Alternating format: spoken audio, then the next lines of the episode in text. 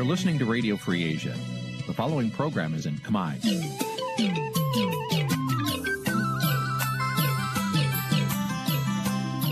Nǐ chi càm bi tiệp xáy vệt chiu a zì sê នេះជាកម្មវិធីផ្សាយរបស់ Vithu Azisari ជាភាសាខ្មែរ វត្តឈូអាស៊ីសេរីសូមស្វាគមន៍លោកអ្នកនាងទាំងអស់ពីរដ្ឋធានី Washington នៃសហរដ្ឋអាមេរិក ផ្សាយផ្ទាល់ពីរដ្ឋធានី Washington នាងខ្ញុំសុជីវីសូមជម្រាបសួរលោកអ្នកនាងកញ្ញាដែលកំពុងតាមដានការផ្សាយរបស់ Vithu Azisari ទាំងអស់ជាទីមេត្រីចា៎យើងខ្ញុំសូមជូនកម្មវិធីផ្សាយសម្រាប់យប់ថ្ងៃប្រហ័សចាប់5កើតខែវិសាខឆ្នាំខាលចត្វាស័កពុរសករាជ2565ចាប់ត្រូវនៅថ្ងៃទី5ខែឧសភា គ្រិស្តសករាជ2022ចាជាដំបូងនេះសូមអញ្ជើញលោកអ្នកនាងស្ដាប់ព័ត៌មានប្រចាំថ្ងៃដែលមានមេត្តាដូចតទៅ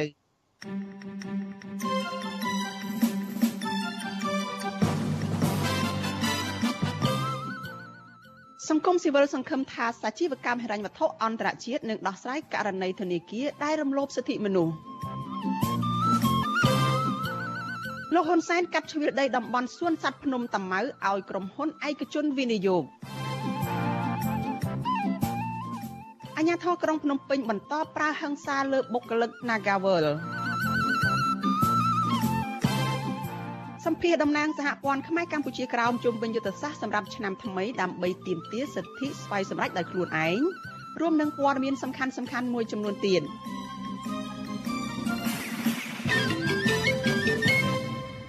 ចាជាបន្តទៅទៀតនេះនាងខ្ញុំសុជីវីសូមជូនព័ត៌មានទាំងនេះពិស្ដា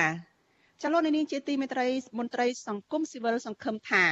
សាជីវកម្មហិរញ្ញវត្ថុអន្តរជាតិហៅកាត់ថា IFC នឹងមានវិធានការលើធនាគារនិងគ្រឹះស្ថានមីក្រូហិរញ្ញវត្ថុដែលបានរំលោភសិទ្ធិមនុស្សចាត់ទោះជាយ៉ាងណាប្រធានធនាគារ AC Lida ចាត់ដែលរងការចោទប្រកាន់នៅក្នុងបណ្ដឹងនោះអះអាងថាធនាគារតែងការពារសិទ្ធិអតិថិជន និងចាត់ទុកការចោទប្រកាន់របស់ក្រុមអង្គការសង្គមស៊ីវិលនោះ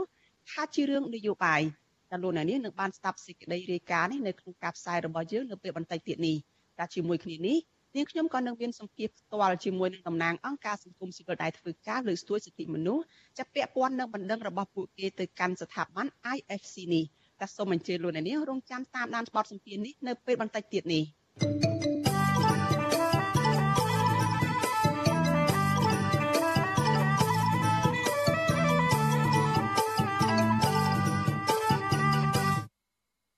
ចាលោកនាងជាទីមេត្រីព័ត៌មានតកតងនឹងគណៈបកនយោបាយមកពីខេត្តពោធិ៍សាត់ឯណោះវិញចាសាលាដំបងខេត្តពោធិ៍សាត់បានដោះលែងកូនប្រុសរបស់សកម្មជនគណៈបកភ្លើងទៀនវិញហើយ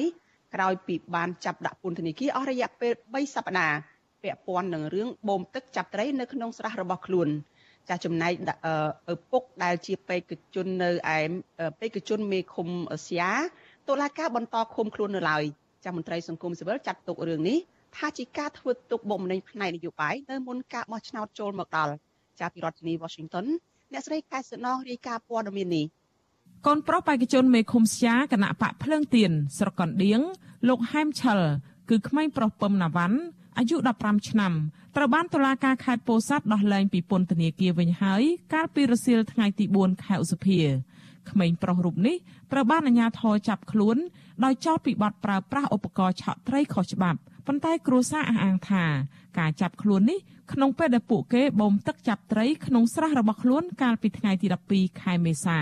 ប្រពន្ធសកម្មជនគណៈបកភ្លើងទៀនលោកស្រីវណ្ណាគ្រីប្រាប់វិទ្យុអេស៊ីស្រីនៅថ្ងៃទី5ឧសភាថាតុលាការបានដោះលែងកូនរបស់លោកស្រីត្រឡប់មកផ្ទះវិញហើយនៅម៉ោង5រសៀលថ្ងៃទី4ខែឧសភាស្ត្រីវ័យ35ឆ្នាំរូបនេះបន្តថាចំណាយប្តីរបស់លោកស្រីតុលាការនៅមិនទាន់ដោះលែងនៅឡើយទេ ក្រោយពីអាជ្ញាធរចាប់ប្តីនិងកូនដាក់ពន្ធនាគារអស់រយៈពេលជាង3សប្តាហ៍កន្លងមកនេះលោកស្រីបញ្ជាក់ថាអាជ្ញាធរចាប់ពួកគេដាក់ពន្ធនាគារដោយគ្មានកំហុសបែបនេះគឺជារឿងអយុត្តិធម៌និងមិនអាចទទួលយកបានឡើយ។ និយាយថាខ្ញុំអត់បានឆក់ទេព្រោះបើចាប់នៅដៃខ្ញុំបានឆ្លៃតែឆក់តែឆក់ហ្នឹងក៏អាណាយកទលាកខ្ញុំដឹងពីអីវាបង្ខំទៅចង់គត់ស្ដីខ្ញុំអីណាកូនខ្ញុំនេះនៅមុខនេះថាប្រាប់ខ្ញុំហ៎ព្រោះគិតថាស្ដីខ្ញុំចលុកស្ដីខ្ញុំអុយឆ្លៃថាឆក់ខ្ញុំនៅតាមស្ដីខ្ញុំនៅអីកន្លែងមុខរបងខ្លោមជាវាគិតកំហុសលីនទៀតខ្ញុំថាឲ្យស្ដីថ្ងៃឆ្លៃថាឆក់ឆក់ទៅស្ដីថ្ងៃឆ្លៃថាបូមបើឆ្លៃថាបូមទៅដកពូយន្តថ្ងៃទៀតតែខ្ញុំឆ្លៃថាឆក់ដោយកាប់វាបានឆក់ឲ្យឆ្លៃឆក់ខ្ញុំយល់ឃើញថាធាអត់មានកំហុសអីហងចាប់ទៅព្រីព្រីចឹងរឿងមកពីបាក់លោកស្រីបន្តថាការដែលតុលាការបន្តឃុំខ្លួនប្តីលោកស្រីនេះដោយសារតែមេឃុំស្យាលោកវិនឡៃបានស្នើឲ្យតុលាការឃុំខ្លួនប្តីរហូតដល់បោះឆ្នោតជ្រើសរើសក្រុមប្រឹក្សាឃុំសង្កាត់រួចព្រោះប្តីរបស់លោកស្រី ជាបេក្ខជនមេឃុំស្យាដែលជាឆ្អឹងតតឹងករបស់អាជ្ញាធរគណៈបកកាន់អំណាច បន្ថែមពីនេះលោកស្រីអះអាងថាថ្មីថ្មីនេះអាជ្ញាធរភូមិនិងឃុំតែងតែបង្ខំឲ្យលោកស្រីដកស្លាកគណៈបកភ្លើងទៀនចេញពីមុខផ្ទះដើម្បីជាថ្នូរទៅនឹងការដោះលែងក្រុមគ្រួសាររបស់លោកស្រីឲ្យមានសេរីភាពវិញប៉ុន្តែលោកស្រីមិនបានធ្វើតាមការបង្ខិតបង្ខំនោះទេតកតងទៅនឹងបញ្ហានេះមេឃុំស្យា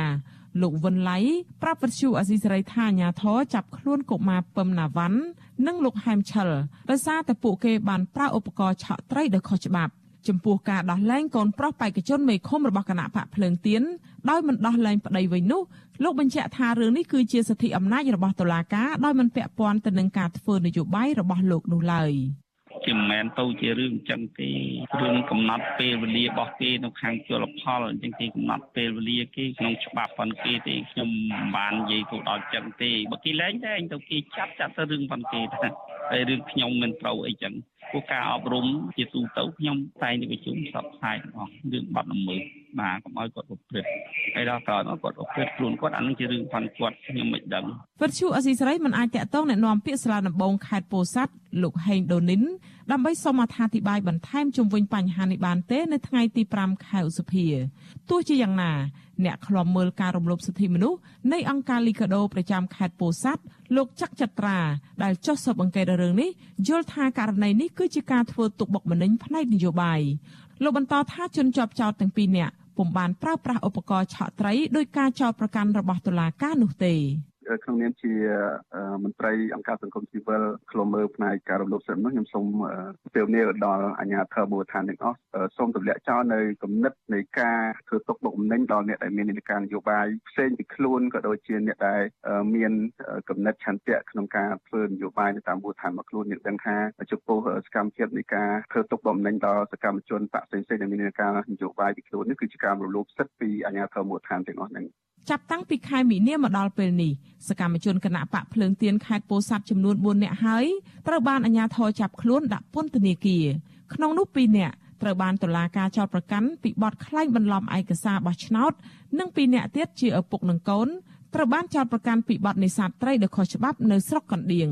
សាច់ញាតិនិងអង្គការសង្គមស៊ីវិលចាត់ទុកការចាប់ខ្លួននេះថាជារឿងនយោបាយនិងស្នើឲ្យតុលាការទម្លាក់ចោលបទចោទប្រកាន់ហើយដោះលែងពួកគេឲ្យមានសេរីភាពវិញឲ្យបានឆាប់ដើម្បីឲ្យពួកគេអាចបន្តឈរឈ្មោះបោះឆ្នោតក្រុមប្រឹក្សាឃុំសង្កាត់នៅខែមិថុនាខាងមុខនេះចា៎នាងខ្ញុំខែសុណងវັດឈូអាស៊ីសេរីរាយការណ៍ពីរដ្ឋធានី Washington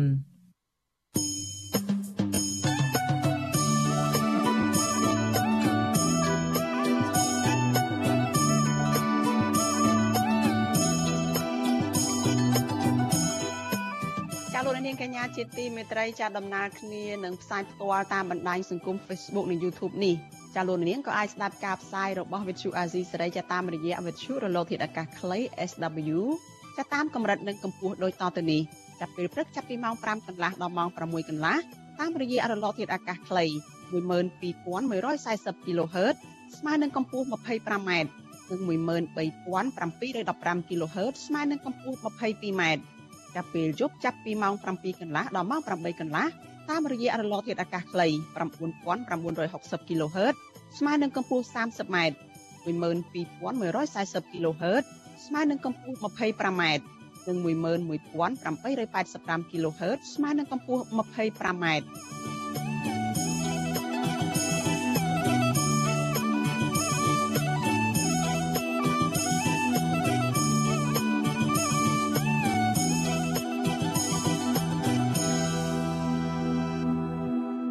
ចាលោកនាងជាទីមេត្រីព័ត៌មានតកតងនឹងគណៈបកនយោបាយនេះតែចាបណ្ឌិតសភានគរបាលកម្ពុជាបដិសេធការចោទប្រកាន់ថា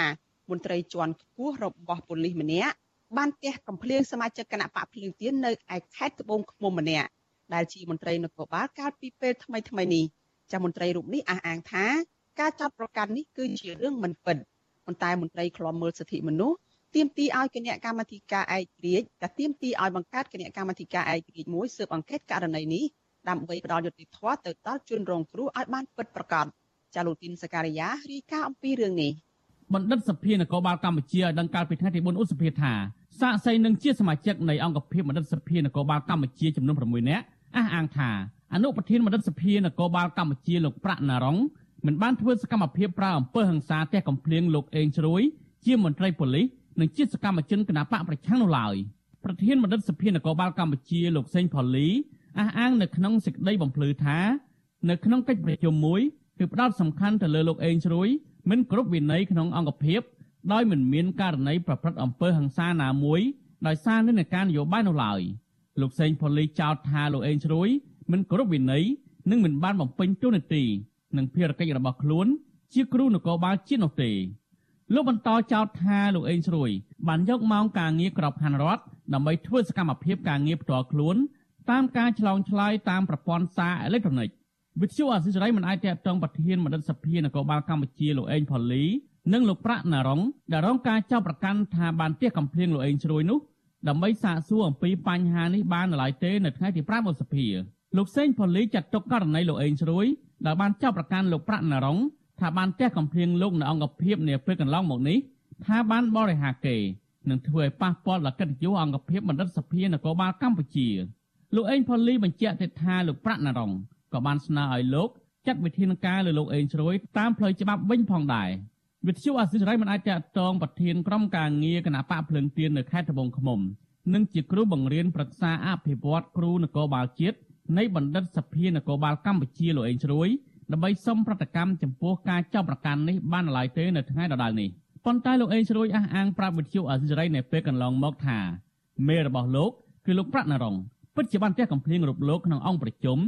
ដោយសារតែបានថតរូបនៅក្នុងអង្គប្រជុំដើម្បីចងក្រងជារបាយការណ៍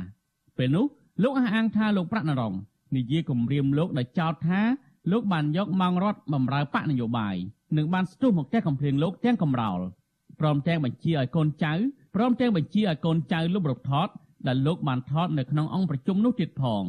មកកំភ្លៀងចក់មុខរឿងទី1គឺជារឿងរឿងហាន់ពីគឺរឿងគម្រាមកំហែងនយោបាយដែលខ្ញុំចូលបម្រើគណៈបកលើកទៀននេះគឺជារឿងគម្រាមកំហែងដល់ឈិតដល់សេចក្តីសម្រេចចិត្តតាមរដ្ឋធម្មនុញ្ញព្រមតាមច្បាប់ជាតិនេះគឺជាការគម្រាមកំហែងធ្ងន់ធ្ងរណាស់មកលើខ្ញុំគាត់មាននិយាយទៀតណាគាត់គម្រាមទៀតណាគាត់ថានឹងគម្រាមខ្ញុំទៀតណាគាត់ណាគាត់នៅក្នុងនេះលោតហើយបើខ្ញុំគាត់នៅក្រៅកន្លែងនេះខ្លាំងជាងនឹងទៀតលោកអេងជ្រួយបញ្ជាក់ថាក្នុងអង្គប្រជុំនោះ មានសាកសីនិងជាសមាជិកបណ្ឌិតសភាចំនួន6នាក់ ដែលបានឃើញហេតុការណ៍ក្នុងករណីដែលលោកប្រាក់ណរងបានទះកំភ្លៀងលោកលោកយល់ថាមន្ត្រីទាំង6នាក់នេះមិនហ៊ានចេញមុខបកស្រាយអំពីការពិតឡើយដោយសារតែខ្លាចបាត់បង់មុខតំណែងនិងខ្លាចការរងធ្វើទុកបុកម្នេញពីសំណាក់លោកប្រាក់ណរងដែលជាមេកាយរបស់ខ្លួន។ ទៅធ្វើអានឹងវាជាសិទ្ធិរបស់គេគេមិនទៅធ្វើក៏ជាសិទ្ធិរបស់គេក៏ប៉ុន្តែអ្នកទាំងអស់ហ្នឹងមិនអាចបដិសេធថាមិនឃើញកើតទេគាត់បដិសេធថាមិនឃើញបានន័យថាគាត់លាក់បាំងបត់ល្មើសហើយអានឹងវាបើនិយាយតាមផ្លូវច្បាប់ទៅចោទប្រកាន់ពីគាត់លាក់បាំងសាកសីនឹងលាក់បាំងបត់ល្មើសវិទ្យុអសិរ័យបានតាក់ទងសំការបំភ្លឺពីសាកសីម្នាក់ក្នុងចំណោម6នាក់គឺលោកអនមស្នេហ៍តូវិញឡាប៉ុន្តែលោកបានបដិសេធមិនធ្វើអត្ថាធិប្បាយដោយលោកបានចុចផ្ដាច់ទូរស័ព្ទវិញភ្លាមៗ អូខ្ញុំមិនអាចនិយាយបានទេជុំវិញរឿងនេះនាយកទទួលបន្ទុកកិច្ចការទូតទៅនៃអង្គការលីកាដូលោកអំសំអាតមានប្រសាសន៍ថាករណីលោកអេងជ្រួយគួរតែមានគណៈកម្មការឯកក្រិចចុះស៊ើបអង្កេតដើម្បីធានាពីដំណាភាពនិងផ្ដល់យុត្តិធម៌ដល់ជនរងគ្រោះពិតប្រាកដលោកបន្តថាបើសិនជាសកម្មជនបកប្រឆាំងនៅតែបន្តរងការធ្វើទុកបុកម្នេញពីសំណាក់អាជ្ញាធរបកកណ្ដាលអំណាចនឹងធ្វើឲ្យប៉ះពាល់ដល់ដំណើរការបោះឆ្នោតក្រុមប្រឹក្សាគុំសង្កាត់នាថ្ងៃខាងមុខ ហើយដូចជាករណីនេះបើសិនជាការទះកំភ្លៀងវាជាអំពើហិង្សាជាបទហិង្សាដោយចេតនាសង្ឃស្ថានទង្វើទោសវាបទល្មើសអញ្ចឹងវាត្រូវតែមានការស៊ើបអង្កេតមួយដោយឯករាជ្យតម្លាភាពនិងយុត្តិធម៌ដើម្បីលុបបំបាត់បញ្ហាទាំងអស់នេះជាពិសេសលុបបំបាត់ការចោទកាន់អំពីការរើសអើងនៃនិន្នាការគណៈបកនយោបាយជាពិសេសអ្នកដែលជាសកម្មជនគណៈបកប្រឆាំងអីជាដើមលោកអេងជ្រួយគឺជាមន្ត្រីនគរបាលបម្រើការងារជាង30ឆ្នាំមកហើយ លោកបានចូលរួមធ្វើសកម្មភាពនយោបាយជាមួយគណៈបកប្រឆាំងតាំងពីឆ្នាំ2003មកម្លេះដើម្បីជំរុញឲ្យមានការគោរពសិទ្ធិមនុស្សនិងលើកស្ទួយលទ្ធិប្រជាធិបតេយ្យបច្ចុប្បន្នលោកជាមន្ត្រីនគរបាលក្នុងឋានៈជាវរៈស្នេហ៍ត្រីដែលមានតួនាទីជាគ្រូបង្រៀនប្រឹក្សាអភិវឌ្ឍគ្រូនគរបាលជាតិនៃបណ្ឌិតសភានគរបាលកម្ពុជាលោកធ្លាប់លើកឡើងថាទោះបីជាមានការធ្វើទុកបុកម្នេញលើរូបរាងកាយលោកយ៉ាងណាក្តីក៏លោកមិនក្បត់ឆន្ទៈខ្លួនឯង នឹងនៅតែបន្តតស៊ូធ្វើសកម្មភាពនយោបាយជាមួយគណៈបកភ្លើងទៀនលោកបញ្ជាក់ថាដោយសារតែលោកបានចោះចូលជាមួយគណៈបកភ្លើងទៀនបែបនេះហើយដែលធ្វើឲ្យមន្ត្រីថ្នាក់លើរបស់លោកខឹងសម្បានិងគម្រាមកំហែងជាបន្តបន្ទាប់រហូតដល់ផ្ទះកំភ្លៀងលោកទាំងនៅកន្លែងធ្វើការបែបនេះក្រោយពីមានករណីប្រើអំពើហិង្សាលើរូបលោកលោកក៏មិនរំពឹងថាមានពន្លឺយុទ្ធធម៌សម្រាប់លោកនោះដែរដែលលោករិះគន់ថាប្រព័ន្ធយុទ្ធធម៌កម្ពុជាខ្វះតម្លាភាពនិងឯករាជ្យ ជាពិសេសករណីលោកផ្ទាល់ដែលមាននិន្នាការនយោបាយបកប្រឆាំងដែលរដ្ឋាភិបាលតែងតែបន្តធ្វើការបង្ក្រាបឥតស្រាកស្រាននោះខ្ញុំទីនសាការីយ៉ាអសិសរីប្រធានីវ៉ាស៊ីនតោនចាលោកនាងកញ្ញាជាទីមេត្រីចារឿងដាច់ដោយឡែកមួយទៀតចាខ្មែរកម្ពុជាក្រោមមកពីបណ្ដាប្រទេសនានានៅក្នុងពិភពលោកនឹងជួបជុំនៅសហរដ្ឋអាមេរិកនៅចុងសប្តាហ៍នេះចាដើម្បីរិះរោចយុទ្ធសាស្ត្របន្តការទាមទារសិទ្ធិស្វ័យសម្រេចពីរដ្ឋាភិបាលវៀតណាម ចាក្នុងនោះតំណាងខ្មែរកម្ពុជាក្រោមមកពីគ្រប់ទិសទីនឹងបើកមហាសន្និបាតខ្មែរកម្ពុជាក្រោមលើកទី11រយៈពេល3ថ្ងៃដោយចាប់ផ្ដើមពីថ្ងៃទី11ខែឧសភា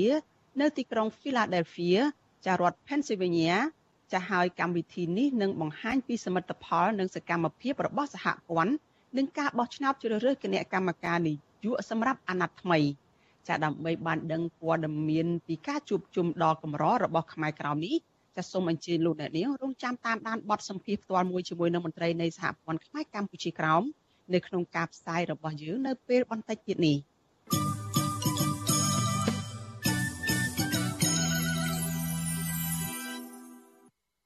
ចាលោកនាងជាទីមេត្រីចាលោកអ្នកកំពុងតែតាមដានការផ្សាយរបស់វិទ្យុអាស៊ីសេរីចាផ្សាយចេញពីរដ្ឋធានី Washington សហរដ្ឋអាមេរិកចាមន្ត្រីសង្គមស៊ីវិលសង្ឃឹមថា សាជីវកម្មហិរញ្ញវត្ថុអន្តរជាតិហៅកាត់ថា IFC នឹងមានវិធានការលើធនាគារនិងគ្រឹះស្ថានមីក្រូហិរញ្ញវត្ថុដែលរំលោភសិទ្ធិមនុស្សចាទោះយ៉ាងណាប្រធានធនាគារអេស៊ីលីដាដែលរងការចោទប្រកាន់នៅក្នុងបណ្ដឹងនោះអះអាងថាធនាគារតែងតែការពារសិទ្ធិរបស់អតិថិជននិងចាត់ទុកការចោទប្រកាន់របស់ក្រុមអង្គការសង្គមស៊ីវិលនេះថាជារឿងនយោបាយចាលោកមានរិទ្ធរាយការណ៍ព័ត៌មាននេះ ក្តីរំពឹងថាសាជីវកម្មហិរញ្ញវត្ថុអន្តរជាតិហៅកាត់ថា IFC នឹងចាត់វិធានការលើធនាគារនិងគ្រឹះស្ថានមីក្រូហិរញ្ញវត្ថុនៅកម្ពុជានេះកើតមានឡើងក្រោយពេលដែលស្ថាប័ន IFC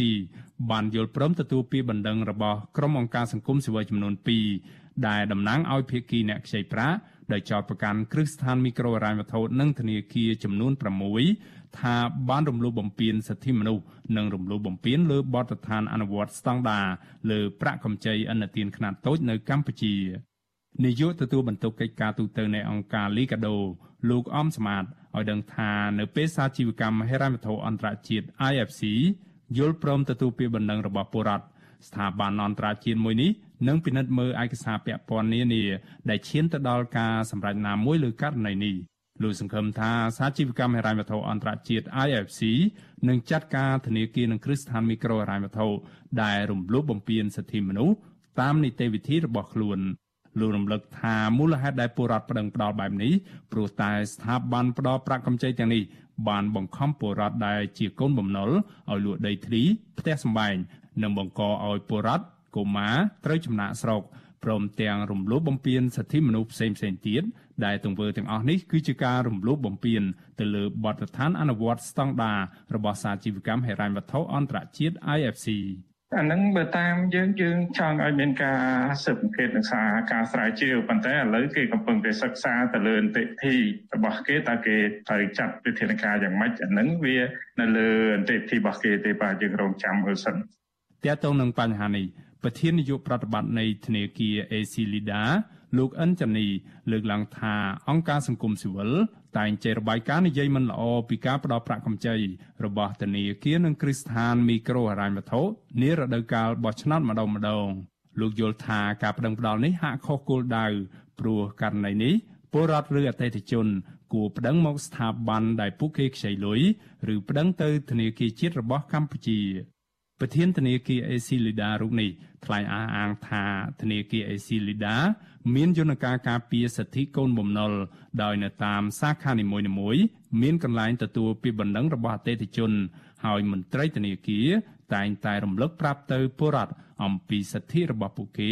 រាល់ពេលផ្ដល់ប្រាក់កម្ចីលោកឲ្យដឹងទៀតថាប៉ះសិនបើមានបុគ្គលិកធនាគាររូបណា ត្រូវបានរកឃើញថារំលោភបំពានសិទ្ធិអតិថិជនឬគំរាមកំហែងអតិថិជននោះធនាគារលោកនឹងចាត់វិធានការភ្លាមៗ។យើងមិនអនុញ្ញាតដាច់ខាតឲ្យបុគ្គលិកទៅបំពេញទៅលើអតិជនដូចនៅក្នុងរបាយការណ៍ទេហើយបើដឹងក៏យើងមិនបុគ្គលិកនេះនៅបំពេញការងារដែរព្រោះបំពេញទៅលើគោលការណ៍ផ្ទៃក្នុងរបស់ធនាគារផងទៅលើក្រមប្រតិបត្តិដែលយើងចុះអនុសាសនៈនៅក្នុងផ្សាយក្នុងសមាគមធនាគារផងហើយរំលោភទៅលើអ្វីដែលជាបញ្ញត្តិរបស់ធនាគារជាតិទៅទៀតទូយ៉ាងណា ប្រធានផ្នែកទំនាក់ទំនងនឹងជាអ្នកនាំពាក្យសមាគមមីក្រូហិរញ្ញវត្ថុលោកកាំងតងីឲ្យដឹងថាប៉ះសិនបើធនាគារនិងគ្រឹះស្ថានមីក្រូហិរញ្ញវត្ថុបានធ្វើខុសដោយក្នុងពាក្យបណ្ដឹងមែននោះនោះសមាគមមីក្រូហិរញ្ញវត្ថុមិនអាចលើកលែងឲ្យបាននោះទេលោកថាកន្លងទៅនេះក៏មានការចោទប្រកាន់បែបនេះដែរក៏ប៉ុន្តែមិនដែលរកឃើញដោយតាមការចោទប្រកាន់នោះឡើយ ទោះយ៉ាងណាលោកកាំងតងីទទួលស្គាល់ថាការរំលោភសិទ្ធិអតិថិជនក៏ធ្លាប់កើតមានដែរដោយបុគ្គលផ្ទាល់ដែលជាភ្នាក់ងារអិនទានបានប្រព្រឹត្តខុសគោលការណ៍ស្ថាប័ន។ ដែលយើងរកឃើញករណីមួយចំនួនតូចហ្នឹងគឺច្រើនតែពាក់ព័ន្ធជាមួយនឹងបុគ្គលិករបស់គ្រឹះស្ថានហ្នឹងគាត់អក្រមសិលធម៌គាត់ប្រព្រឹត្តមិនមានការឆ្គមឆ្គងណាតែជាទូទៅនៅពេលដែលយើងចាប់បានបុគ្គលិកហ្នឹងនឹងប្រឈមការដាក់ពិន័យឬក៏ការបណ្ដឹងពីការងារឬក៏ជួនកាលគឺយើងអាចដឹងគាត់ឡើងទៅកន្លះការក្នុងករណីដែលធ្ងន់ធ្ងរអញ្ចឹងណា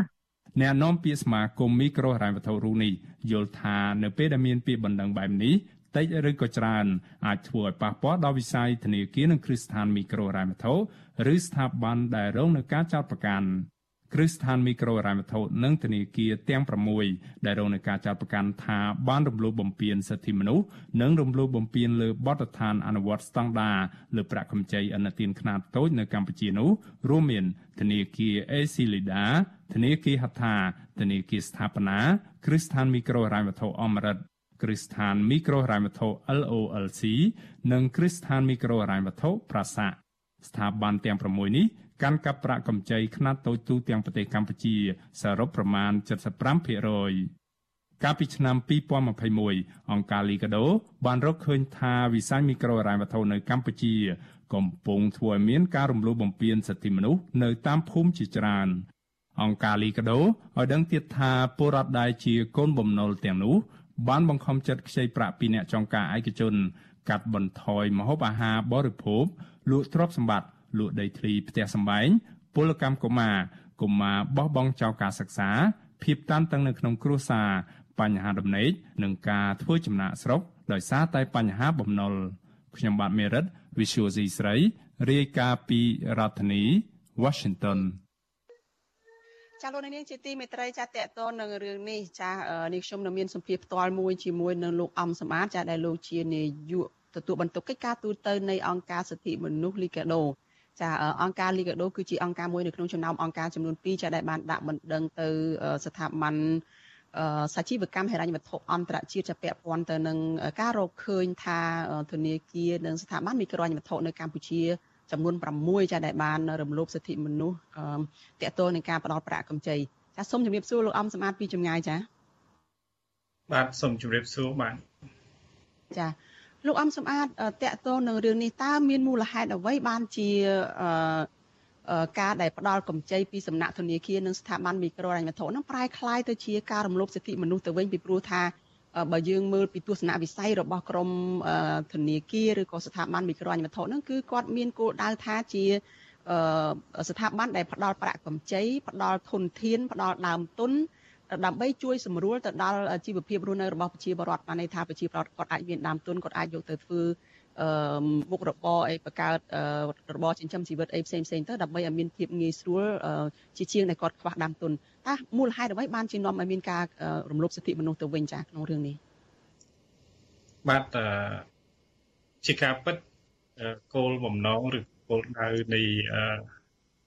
កម្ចីមីក្រូហិរញ្ញវត្ថុគឺជាការមួយដែលលើកកម្ពស់ ទៅលើមុខរបរຂະຫນាតមធ្យមមុខរបរຂະຫນាតតូចឬក៏មុខរបរផ្សេងផ្សេងទៀតរបស់ប្រជាពលរដ្ឋនេះគឺជាគោលការណ៍នៃកម្ចីមីក្រូហិរញ្ញវត្ថុក៏ប៉ុន្តែបើយើងសង្កេតឃើញហើយដោយអង្គការ Liquido និងអង្គការដៃគូយើងបានចេញជារបាយការណ៍ចំនួន4កន្លងរួចមកហើយ ដែលផលប៉ះពាល់ទៅលើ អឺអ្នកអ្នកខ្ចីអឺមីក្រូហិរញ្ញវត្ថុមួយចំនួនក៏ដូចជា ផលប៉ះពាល់ទៅលើបងប្អូនកម្មករកម្មនីការនីដែលគាត់មានការខ្ចីបុលមួយចំនួនហើយក៏មានបញ្ហាពលករចំណាក់ស្រុក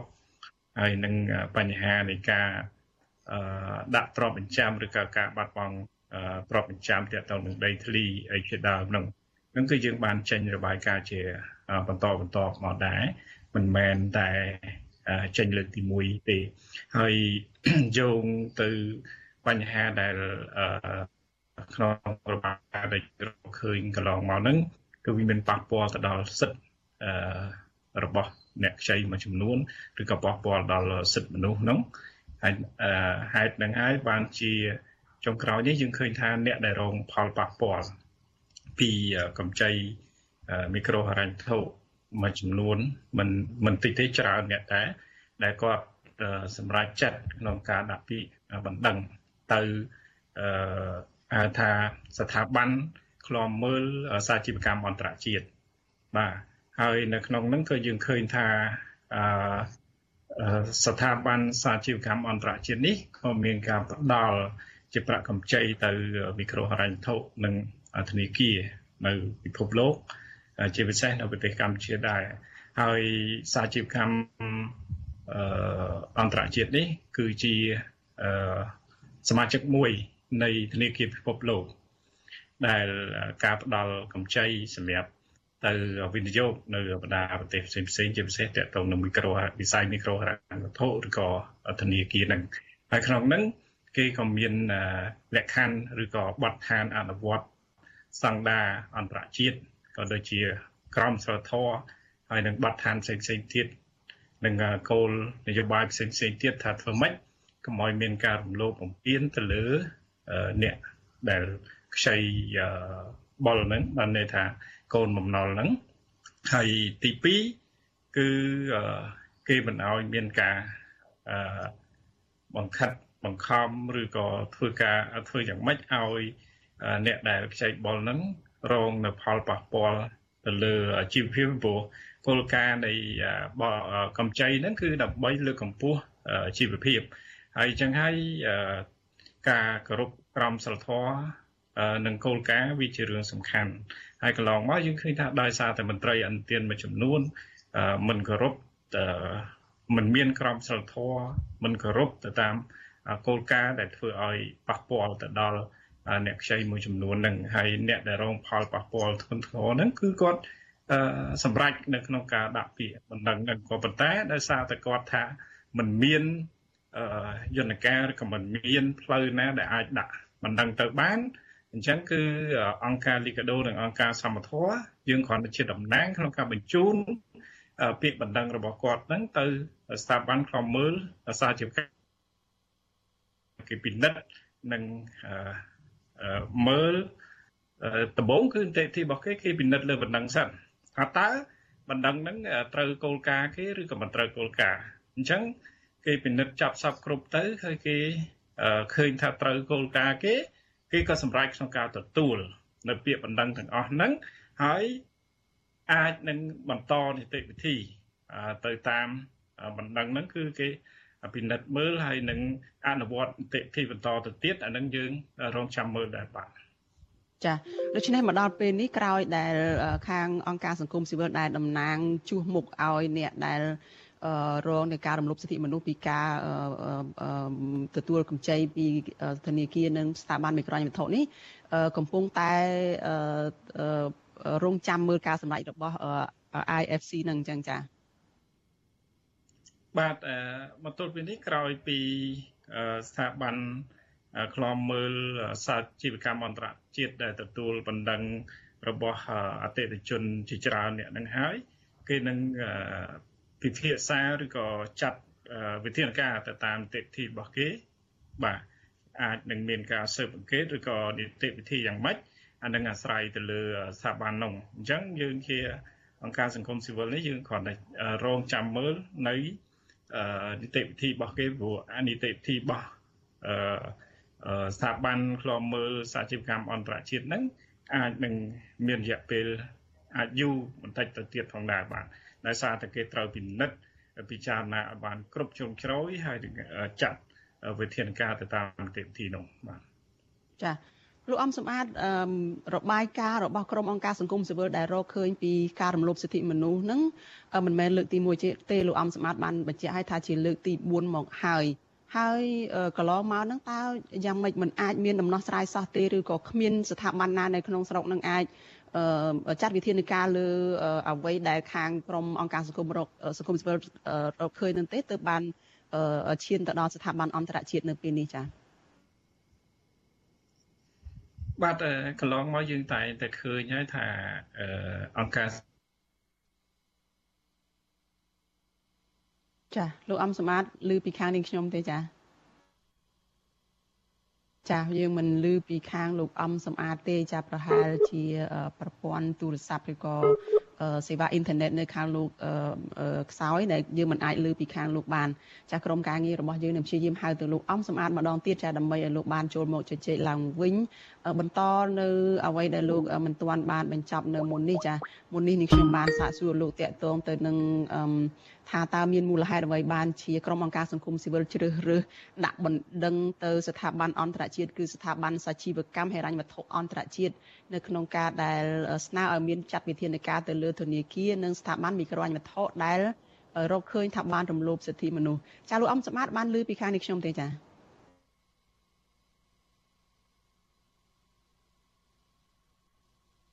ចានេះខ្ញុំមិនបានឮពីលោកអំសម្បត្តិទេប្រហែលជាលោកបិទម៉ៃចាលោកលោកអំសម្បត្តិបើកម៉ៃមកចាចានៅតែមិនអាចឮពីលោកអំសម្បត្តិដដែលចាឃើញលោកនិយាយប៉ុន្តែមិនឮសំឡេងមកទេចាចាសូមសាកម្ដងទៀតលោកអំសម្បត្តិចា ចានៅតែមិនអាចឮពីលោកអំសម្បត្តិទេចាអឺសោកស្ដាយមែនទែនចាយើងនឹងហៅទៅលោកអំសម្បត្តិម្ដងទៀតចាដើម្បីលោកបានចូលមកជជែកនៅក្នុងកម្មវិធីរបស់យើងនេះចានេះខ្ញុំកំពុងតែសម្ភាសលោកអំសម្បត្តិដែលលោកជានាយកទទួលបន្ទុកកិច្ចការទូតនៃអង្គការសិទ្ធិមនុស្សលីកាដូចាស់ក្រុមអង្គការសង្គមស៊ីវិលក្នុងនោះមានពីរស្ថាប័នគឺអង្គការសិទ្ធិមនុស្សលីកាដូ និងអង្គការ សមត្ថៈអាចារ្យបានដាក់បណ្ដឹងជំនួសមកឲ្យកូនបណ្ដឹងចាជាអ្នកដែលខ្ចីបំណុលពីស្ថាប័នវិក្រហមវត្ថុនិងធនាគារតែហើយគឺជាអ្នកដែលរងគ្រោះដែលក្រុមអង្គការសង្គមស៊ីវិលបានរកឃើញថាពួកគាត់គឺជាអ្នករងគ្រោះពីការខ្ចីបំណុលទាំងនោះគឺជាករណីរំលោភសិទ្ធិមនុស្សចាហើយក្រុម អង្គការសង្គមស៊ីវិលដែលតំណាងឲ្យពលរដ្ឋទាំងនោះនឹងបានដាក់បណ្ដឹងទៅស្ថាប័នសាជីវកម្មហិរញ្ញវត្ថុអន្តរជាតិហៅកាត់ថា IFC ចាជំនួសមុខឲ្យប្រជាពលរដ្ឋនោះគឺបណ្ដឹងស្ថាប័នមីក្រូហិរញ្ញវត្ថុនិងធនាគារចំនួន6ចាហើយយើងនឹងជជែកគ្នាជាមួយលោកអំសំអាតបន្តទៀតដើម្បីឲ្យបានដឹងថាតើសាច់រឿងនេះយ៉ាងណាខ្លះបន្ថែមទៀតចាអឺតែដោយសារតែប្រព័ន្ធអ៊ីនធឺណិតនៅខាងលោកអំសម្បត្តិដូចជាខ្សោយ ចាយើងពិបាកជជែកគ្នាចាក្រុមការងាររបស់យើងនឹងព្យាយាមហៅទៅលោកអំសម្អាតម្ដងទៀតដើម្បីលោកបានចូលមកជជែកឡើងវិញចាចាលោកនាងជាទីមេត្រីចារឿងដាច់ដោយឡែកមួយទៀតចានេះខ្ញុំសូមលើកឡើងនៅព័ត៌មានថ្មីមួយទៀតចាដែលយើងទើបទទួលបាននោះគឺលោកហ៊ុនណេងចាដែលជាបងប្រុសរបស់លោករដ្ឋមន្ត្រីហ៊ុនសែនបានទទួលមរណភាពដោយជំងឺបេះដូងចាកាលពីរសៀលថ្ងៃទី5ខែឧសភានេះចានៅក្នុងវ័យ73ឆ្នាំ ចានេះបើតាមការអះអាងរបស់ក្មួយលោកហ៊ុនណេងគឺលោកហ៊ុនជាដែលបានប្រាប់សារព័ត៌មានក្នុងស្រុកនៅថ្ងៃទី5ខែឧសភានេះចាលោកហ៊ុនណេងបច្ចុប្បន្នគឺជាប្រធានគណៈប្រតិភូគណៈកម្មការមហាផ្ទៃការពារជាតិនិងមុខងារសាធារណៈនៃរដ្ឋសភា និងជាអតីតតំណាងរាស្ត្រមណ្ឌលកំពង់ចាមនៃគណៈបកប្រជាជនកម្ពុជា និងជាអតីតអភិបាលខេត្តកំពង់ចាម ចាលោកនាងជាទីមេត្រីចានេះខ្ញុំបានឃើញលោកអំសំអាតវិញហើយចាលោកអំសំអាតឮពីខាងនេះខ្ញុំទេចា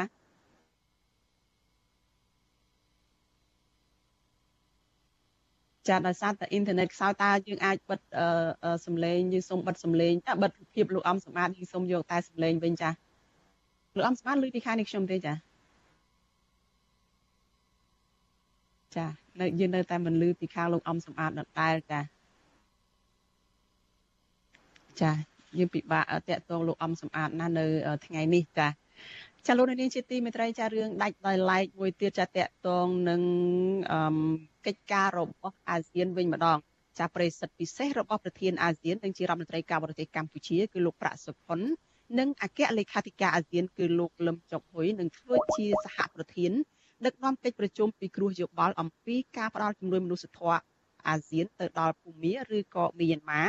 នៅថ្ងៃទី6ខែឧសភានៅរាជធានីភ្នំពេញតាមរយៈប្រព័ន្ធវីដេអូ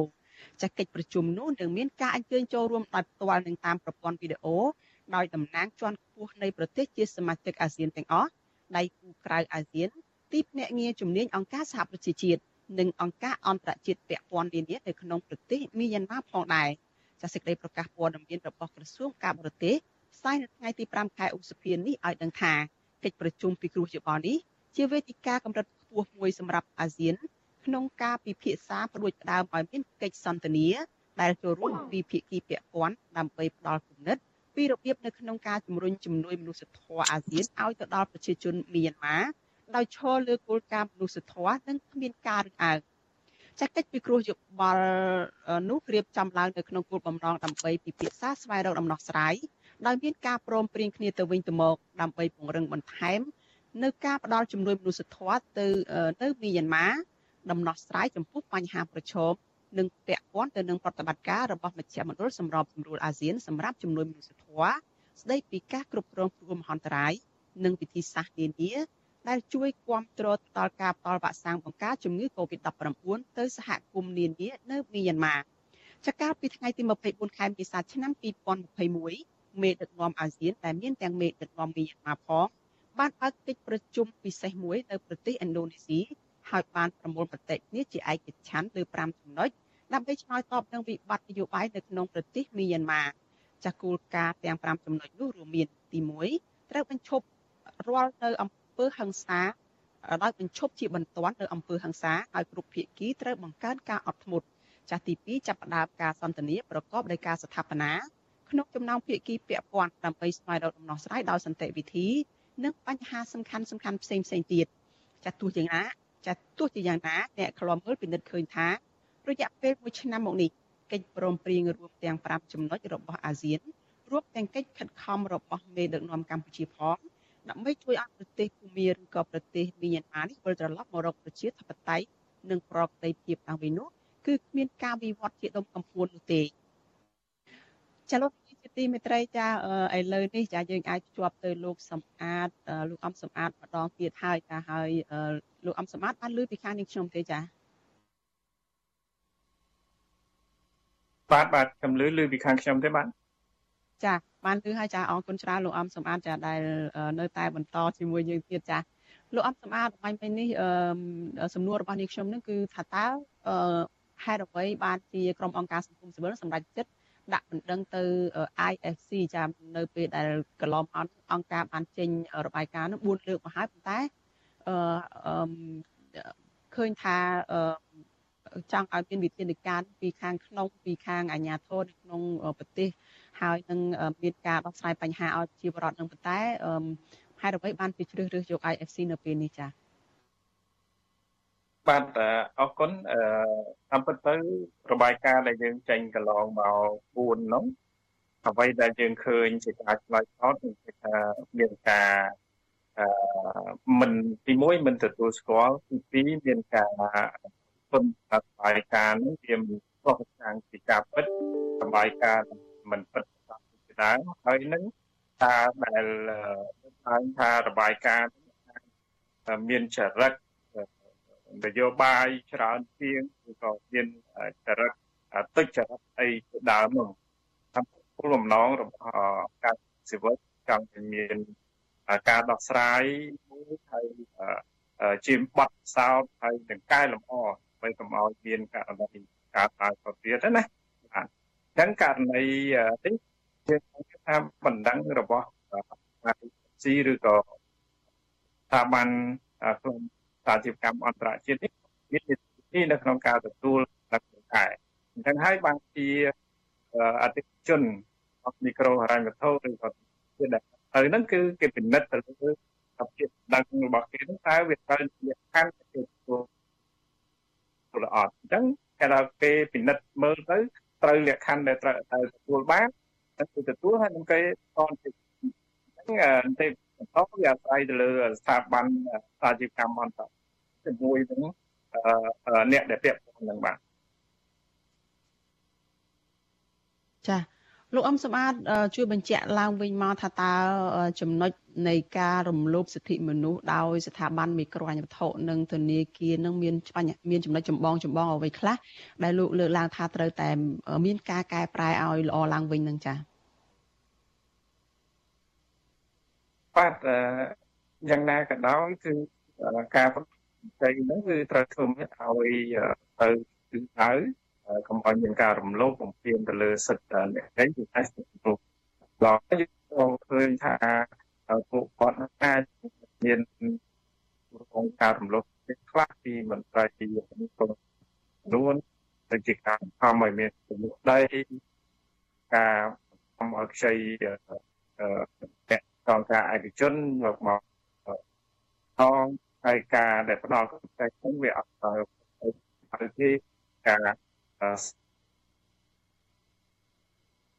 យកទៅទិញ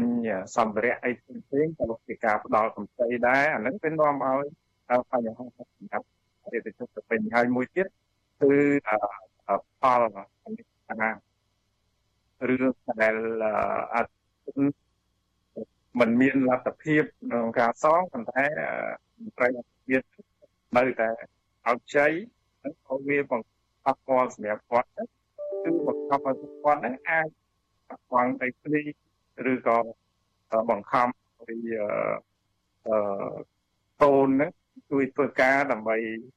រកលុយតហ្នឹងមកជួនទៅលើសិទ្ធិរបស់កុមារហើយវាអាចនឹងធ្វើឲ្យមានការចំណាក់ស្រុកចំនួនតាមហ្នឹងគឺ វាអាស្រ័យទៅលើមន្ត្រីអន្តទានដែលចុះទៅផ្ទាល់ហ្នឹងគាត់មិនគោរពទៅលើក្រមសីលធម៌វិជ្ជាវៈជាមន្ត្រីអន្តទានឬក៏មិនគោរពទៅតាមគោលការណ៍នៃចៃហ្នឹងបាទ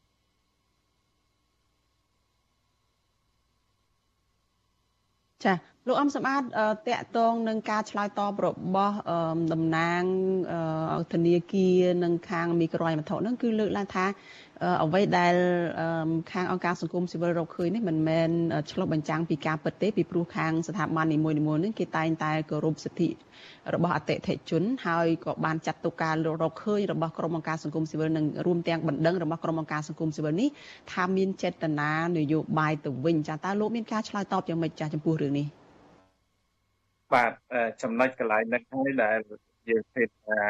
វាអត់មានអ្វីដែលកែលម្អណា រហូតដល់ចុងក្រោយនេះគឺសូមបញ្ជាក់ថាគឺអតិថិជនរបស់មីក្រូហិរញ្ញវត្ថុនិងធនាគារមួយចំនួនទេហើយក៏មិនតិចដែរច្រើនដែរដែលគាត់ដាក់បណ្ដឹងទៅស្ថាប័នក្លំមើលសាជីវកម្មអន្តរជាតិនេះអញ្ចឹងអង្គការទាំងពីរនេះគ្រាន់តែជាផ្លូវមួយក្នុងការប្រកួតឲ្យគាត់បានដាក់ទៅទេអញ្ចឹង អ្វីដែលនៅក្នុងបណ្ដឹងរបស់គាត់មិនមែនជារឿងរបស់អង្គការសង្គមស៊ីវិលទាំងពីរនេះទេគឺជារឿងដែលកើតឡើងរបស់អតិថិជនដែលអាចរងនៅផលប៉ះពាល់អញ្ចឹងវាអាស្រ័យទៅលើស្ថាប័នក្លំមើលសាជីវកម្មអន្តរជាតិហ្នឹងពីពិនិត្យមើលហើយហ្នឹងអាចចាត់នីតិវិធីយ៉ាងម៉េចអាហ្នឹងគឺយើងរងចាំមើលទាំងអស់គ្នាពីวันនេះគឺជាគោលការណ៍របស់គេទេមិនមែន អ្វីនៅលើស្ថាប័នទាំងពីរនេះទេវាជារឿងរបស់អតិថិជនដែលរងផលប៉ះពាល់ពីកម្ចីហ្នឹងហើយគាត់ដឹងទៅសាជីវកម្មអន្តរជាតិនោះបាទអញ្ចឹងអឺអឺការពុកយ៉ាងណាមានទៅនីតិវិធីឬក៏ការស៊ើបអង្កេតរបស់សាជីវកម្មអន្តរជាតិ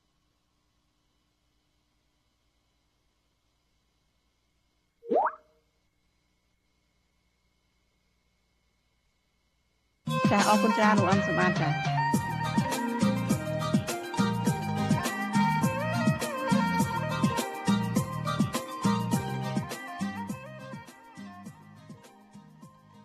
ចាលោកនាងជាទីមេត្រីចាក្រមអ្នកវិភាគលើកឡើងថាទោះបីជាលោកយមត្រីហ៊ុនសែនខិតខំគៀងគរមនុស្សឲ្យមករងចាំទទួលស្វាគមន៍លោកនៅរដ្ឋធានី Washington ដើម្បីចង់បង្ហាញពីប្រជាប្រិយភាពរបស់ខ្លួននៅក្នុងពេលដែលលោកមកចូលរួមកិច្ចប្រជុំកំពូលពិសេសអាស៊ានអាមេរិកនៅថ្ងៃទី12ដល់ថ្ងៃទី13ខែឧសភានេះក្តីក៏មិនអាចបិទបាំងអំពីការរំលោភសិទ្ធិមនុស្សការធ្វើទុកបុកម្នេញប្រជាពលរដ្ឋនិងការបំផ្លាញប្រជាធិបតេយ្យនៅកម្ពុជានោះបានដែរ កត្តាកត្តាអ្វីខ្លះដែលលោកនាយរដ្ឋមន្ត្រីហ៊ុនសែនមិនអាចទាញយកប្រជាប្រិយភាពនៅសហរដ្ឋអាមេរិកឬនៅសហគមន៍អន្តរជាតិបានហើយតើតើកម្លាំងគ្រប់គ្រងរបស់លោកហ៊ុនសែនមានឥទ្ធិពលទៅលើកិច្ចប្រជុំកំពូលពិសេសអាស៊ានអាមេរិកនេះដែរទេចាលោកនាងនឹងបានស្ដាប់ការបកស្រាយទៅនឹងសំណួរទាំងនេះនៅក្នុងនីតិវេទិកានៃស្ដាប់វិទ្យុអាស៊ីសេរីចានៅយប់ថ្ងៃសុក្រទី6ខែឧសភាស្អែកនេះចាលោកនាងអាចសួរវាគ្មិនរបស់យើងឬក៏បញ្ចេញមតិយោបល់របស់លោកនាងបាន ដោយលោកអ្នកនាងអាចដាក់លេខទូរស័ព្ទរបស់លោកអ្នកនាងនៅក្នុងខ្ទង់ comment របស់ Facebook ឬ YouTube វិទ្យុអាស៊ីសេរីហើយក្រុមការងាររបស់យើងនឹងហៅទៅលោកអ្នកនាងវិញ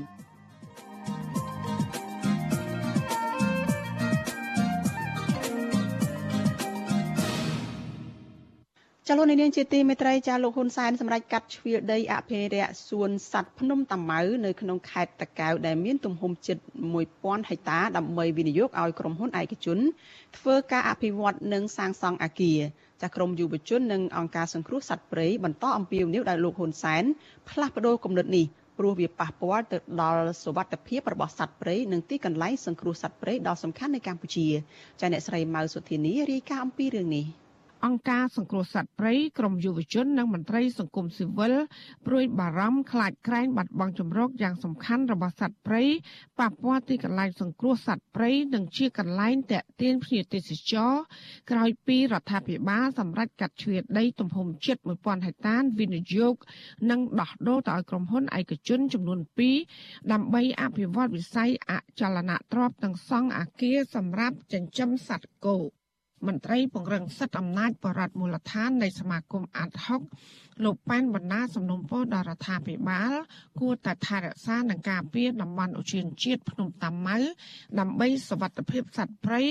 និងការរស់រានមានជីវិតរបស់សត្វព្រៃកម្រជាច្រើនប្រភេទដែលគេយកទៅសង្គ្រោះនៅទីនោះ។ លោកថាគម្រោងវិនិយោគនេះនឹងបង្កគ្រោះថ្នាក់ដល់សត្វព្រៃចម្រុកសត្វព្រៃជាពិសេសគឺការប្រែប្រួលអាកាសធាតុកាន់តែធ្ងន់ធ្ងរពីព្រោះព្រៃឈើនៅតំបន់នោះ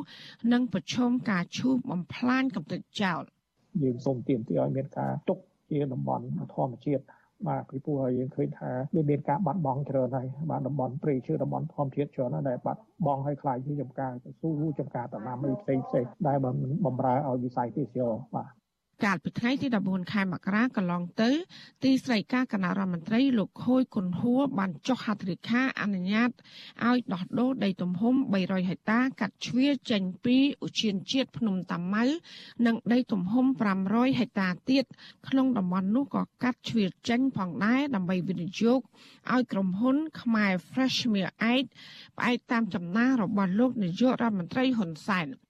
ខ្លឹមសារលិខិតបន្ថែមថាទំហំដី300ហិកតាដែលកាត់ជ្រៀលចេញពីសួនសត្វភ្នំតាម៉ៅនេះគឺដើម្បីដោះដូរជាធ្នូនឹងទទួលបានដីមួយកន្លែងទំហំ400ហិកតាស្ថិតនៅក្នុងស្រុកទឹកផុសខេត្តកំពង់ឆ្នាំងដោយមានអាគារកន្លែងចិញ្ចឹមគោនិងឃ្លាំងផ្ដល់ចំណីសត្វរួមទាំងសម្ភារៈមួយចំនួនទៀត លិខិតដដែលពំបានបញ្ជាក់លម្អិត ថាតើដី300ហិកតាដែលកាត់ជ្រៀចេញពីតំបន់នោះនឹងត្រូវវិនិយោគឲ្យក្រុមហ៊ុនណាមួយនោះទេក៏ប៉ុន្តែមន្ត្រីសង្គមស៊ីវិលសង្ស័យថានឹងវិនិយោគឲ្យក្រុមហ៊ុនរបស់អង្គការលេងនវត្រាដើម្បីសង់អគារឬផ្ទះលក់អចលនទ្រព្យវិទ្យុអសីស្រីមិនទាន់អាចសុំការបំភ្លឺរឿងនេះពីអង្គការលេងនវត្រាបាននៅឡើយទេ នៅថ្ងៃទី5ខែឧសភា រីឯដីទំហំ500ហិកតាដែលកាត់ជ្រៀចេញពីឧទ្យានជាតិសួនសត្វភ្នំតាម៉ៅជាថ្នូរមកវិញនៅទំហំដីជាង200ហិកតាដើម្បីបង្កើតសួនសត្វមួយកន្លែងឈ្មោះសាឡានអង្គរស្ថិតនៅក្នុងស្រុកបន្ទាយស្រី និងស្រុកស្វាយលើខេត្តសៀមរាប វិទ្យុអសីស្រីក៏នៅមិនទាន់សុំការបំភ្លឺរឿងនេះពីប្រធានអង្គភិបអ្នកនាំពាក្យរដ្ឋាភិបាលលោកផៃស៊ីផាន និងអភិបាលខេត្តតាកែវលោកអួចភៀបាននៅឡើយទេ នៅថ្ងៃទី5ខែឧសភាដោយសារទូរស័ព្ទហៅចូលច្រើនដងតែគ្មានអ្នកលើក ចាជំវិញរឿងនេះប្រធានផ្នែកកម្មវិធីស្រាវជ្រាវនិងតស៊ូមតិនៃសមាគមបណ្ដាញយុវជនកម្ពុជាលោកហេងកំហុងយល់ថាឧទ្យានជាតិសួនសត្វភ្នំតាម៉ៅគឺជាកន្លែងប្រមូលផ្ដុំសត្វព្រៃជាច្រើនប្រភេទពីតំបន់ផ្សេងផ្សេងមករស់នៅទីនោះកិច្ចផុតពីការបរបាញ់ដែលរដ្ឋាភិបាល គួរតែពង្រីកផ្ទៃដីអភិរក្សបន្ថែមទៀតមិនគួរណាកាត់ជ្រឿវិនិយោគឲ្យក្រុមហ៊ុនឯកជននោះឡើយ។ មណ្ឌលសង្គ្រោះសត្វព្រៃភ្នំកម្ៅនេះដើរតួនាទីសំខាន់ជាច្រើនឆ្នាំហើយពលរដ្ឋខ្មែរគ្រប់គ្នាស្គាល់ថាជាអត្តសញ្ញាណមួយនៃតំបន់សង្គ្រោះសត្វព្រៃដែលលក្ខខណ្ឌបែបនេះគួរតែមានការពង្រីកវិសាលភាពឬការផ្ដល់បន្ថែមទៀតនៅទំហំផ្ទៃដីដែលជាលក្ខខណ្ឌប្រសើរជាជាងក្នុងការកាត់ជ្រៀលឬក៏ឲ្យក្រុមហ៊ុនឯកជនបែបនេះបាទ កាលពីថ្ងៃទី26ខែមេសាកន្លងទៅ អង្គការសម្ព័ន្ធនិមិត្តសត្វព្រៃបានផ្សាយវីដេអូឃ្លីបជាង4នាទី បង្ហាញពីក្តីបារម្ភខ្លាចបាត់បង់សត្វព្រៃក្រោយពីបានទទួលព័ត៌មាន ថាគេនឹងមានគម្រោងឈូសឆាយដីព្រៃនៅតំបន់អភិរក្សភ្នំតាម៉ៅអ្នកជំនាញអភិរក្សសត្វព្រៃនៅអង្គការនេះគឺលោក Nick Mark បានថ្លែងក្នុងវីដេអូ ថាមូលហេតុដែលសួនសត្វភ្នំតាម៉ៅជាទីកន្លែងសង្គ្រោះសត្វព្រៃដ៏ល្អជាងតំបន់ផ្សេងទៀតដែលសារតែមានព្រៃធម្មជាតិព័ទ្ធជុំវិញ មានទំហំជាង2300ហិកតាអំណោយផលសម្រាប់សត្វព្រៃរស់នៅ និងចិញ្ចឹមជីវិត។ លោកថាគម្រោងឈូសឆាយភ្នំតាម៉ៅនឹងបំផ្លាញចម្រុកសត្វព្រៃដ៏សំខាន់ក្នុងតំបន់នោះ ដែលមានសត្វព្រៃកម្រជាច្រើនប្រភេទរស់នៅ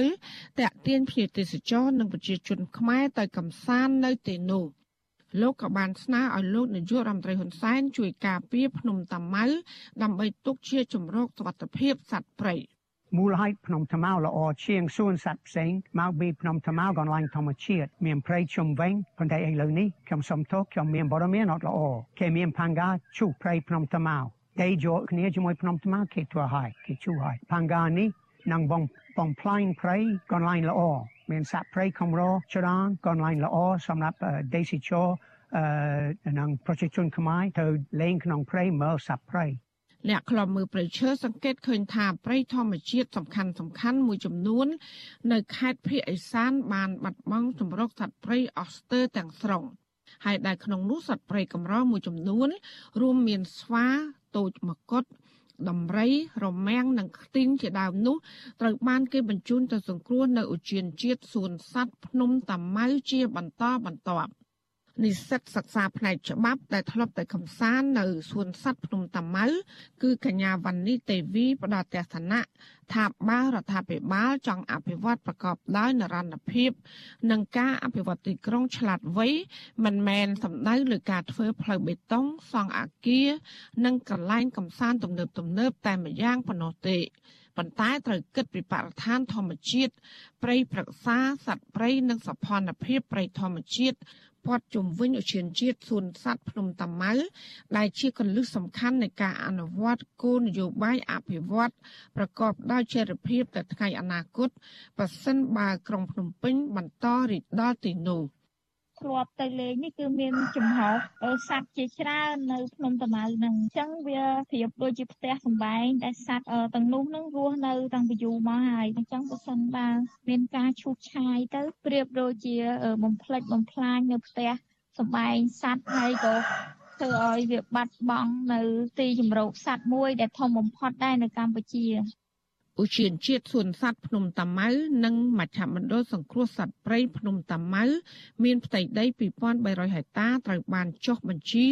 ជាតំបន់អភិរក្សពីក្រសួងកសិកម្មកាលពីឆ្នាំ1995ដែលស្ថិតក្នុងស្រុកបាទីខេត្តតាកែវតំបន់អភិរក្សនេះមានសត្វព្រៃកម្រជាច្រើនប្រភេទកំពុងរស់នៅ និងបង្កកំណើតរួមមានខ្លាឃ្មុំច្រើនជាងគេលើពិភពលោក ដោយមានកម្មវិធីបង្កាត់កូនក្រពើភ្នំឲ្យរស់នៅក្នុងព្រៃនៅតំបន់នោះដែលជាសត្វកម្រចិត្តផុតពូជអង្គការសម្ព័ន្ធមិត្តសត្វព្រៃបានចិញ្ចឹមសត្វស្វាព្រៃក្រវ៉ាត់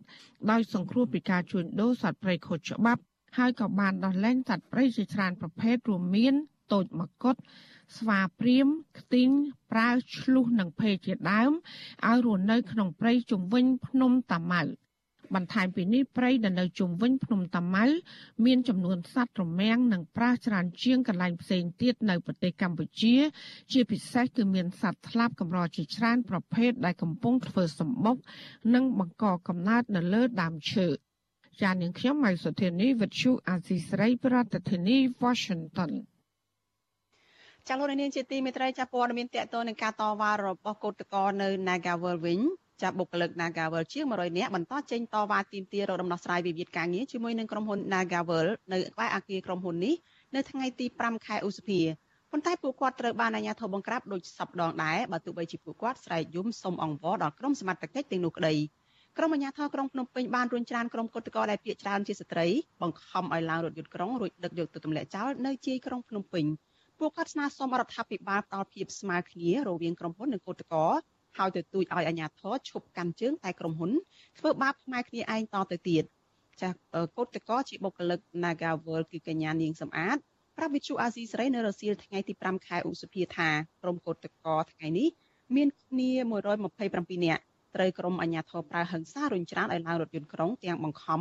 ហើយធ្វើឲ្យរបួសដៃស្ត្រីកោតកោ2នាក់ ថែមទាំងប៉ះពាល់ដល់រាងកាយរបស់ពួកគាត់ថែមទៀតផងកញ្ញាបន្តថាក្រុមអាជ្ញាធរថ្ងៃនេះយករថយន្តក្រុងចំនួន7រួចចាប់បញ្ចូលក្រុមគឧតកោជាស្ត្រីទាំងនោះឲ្យយកចេញទៅពីមុខយកចេញពីមុខក្រុមហ៊ុនទៅដាក់នៅសួនសត្វ Safari ហើយមកដល់ពេលល្ងាចទើបឲ្យទៅយកទៅទម្លាក់ចោលនៅទីលានប្រជាធិបតេយ្យថ្ងៃហ្នឹងមានគេរុញច្រានហើយរុញច្រានហើយនឹងមានប៉ះ ទៅលើស្រីស្រីពីរនាក់ដែរបងញ៉ក់តាមទៅច្បាស់ដែរតែគាត់ថាមកវីដេអូហ្នឹងវីដេអូហ្នឹងប៉ះចំពូតកោពីរនាក់បងស្រីស្រីប៉ះក្បាលហើយអ្នកទៀតដៃអ្នកទៀតហើមដៃបាទបងនឹងគេចាប់យកមកតម្លាក់នៅសួនសាហារីនឹងដល់ពេលល្ងាចបងគេយកទៅវិញយកទៅតម្លាក់នៅទីលានជាតិបតៃវិញឲ្យមកផ្ទះវិញខ្លួនឯង ចាក្រុមកម្មការកាស៊ីណូ Naga World បានចាប់ផ្ដើមធ្វើកតកម្មដោយសន្តិវិធីតាំងពីថ្ងៃទី18ខែធ្នូឆ្នាំ2021មកពលគឺជិត5ខែមកហើយពួកគេបន្តទាមទារឲ្យក្រុមហ៊ុនទទួលយកបុគ្គលិកដែលត្រូវបញ្ឈប់ពីការងារនៅសេសសល់និងរួមទាំងមេដឹកនាំសហជីពឲ្យចូលធ្វើការវិញព្រមទាំងទម្លាក់ចោលនៅរាល់ការចោទប្រកាន់និងធានាសិទ្ធិសេរីភាពសហជីពនៅកន្លែងការងារ